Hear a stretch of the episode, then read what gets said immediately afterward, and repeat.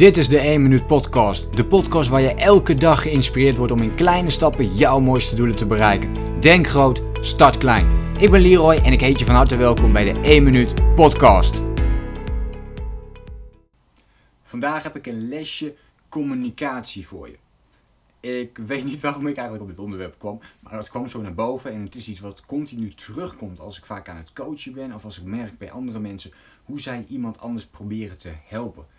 En we proberen dat heel vaak te doen door mensen te adviseren en door onze mening te geven van nou, ik zou uh, toch maar als ik jou was dit en dit en dit doen. In plaats van dat we vragen stellen. En de kracht zit hem heel erg in die vragen stellen aan de ander.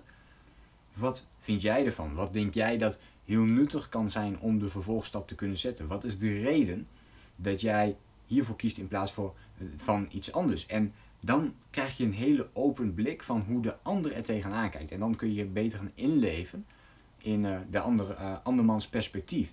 En ik denk dat dat heel belangrijk is en ook een, een krachtig middel is, zeker in de 21ste eeuw waar we uh, op dit moment in leven, om dat zo goed mogelijk ja, aan te vangen. Om die communicatie op die manier op te pakken. Dus veel minder.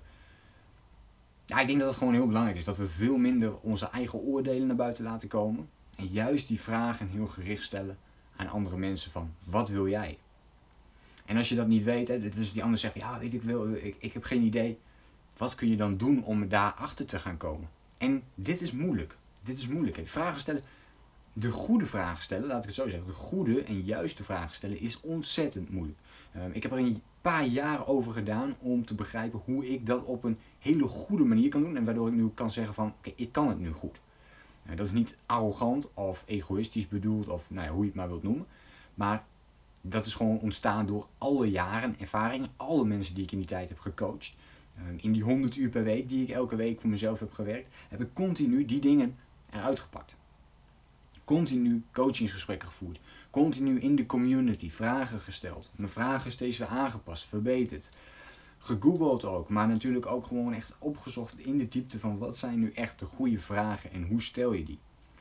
En dan komen we erachter dat vragen stellen heel belangrijk is. En aan de andere kant ook geduld is heel belangrijk. Dus dat zijn twee hele belangrijke componenten. Luisteren natuurlijk ook. Maar vragen en geduld hebben. Dus een vraag stellen en dan geduldig wachten op het antwoord. Laat die ander een beetje praten. Laat die ander ook uitpraten. Kijk eens naar wat is het perspectief van die persoon. Waarom kijkt hij er op zijn manier tegenaan. Dat vergt een heleboel inlevingsvermogen. Maar ik denk dat als je de eerste stap wilt gaan zetten in het verbeteren van je communicatie, begin dan met de goede vragen stellen. Hou je kop. eigenlijk is het stel een vraag, hou je kop. Zo zou je het kunnen zien. Je stelt een vraag aan die ander en dan vervolgens zeg je niks meer. Totdat die persoon eh, ergens klaar mee is en dan ga je op grond daarvan een vervolgvraag stellen. Zonder dat jij met je mening komt. En ik denk dat je op die manier veel meer mensen kunt gaan helpen dan dat jij gaat adviseren. Want wat gebeurt als jij gaat adviseren, dan slaat die ander al helemaal dicht en die denkt van, oh, oh nee, daar begin ik niet aan. Of ja, dat is maar hoe jij er tegenaan kijkt. Nou, dat vind ik eigenlijk ook niks. Dus je wilt al controleren bij die andere persoon, ja, is dit iets waar jij ook heel graag naartoe wilt?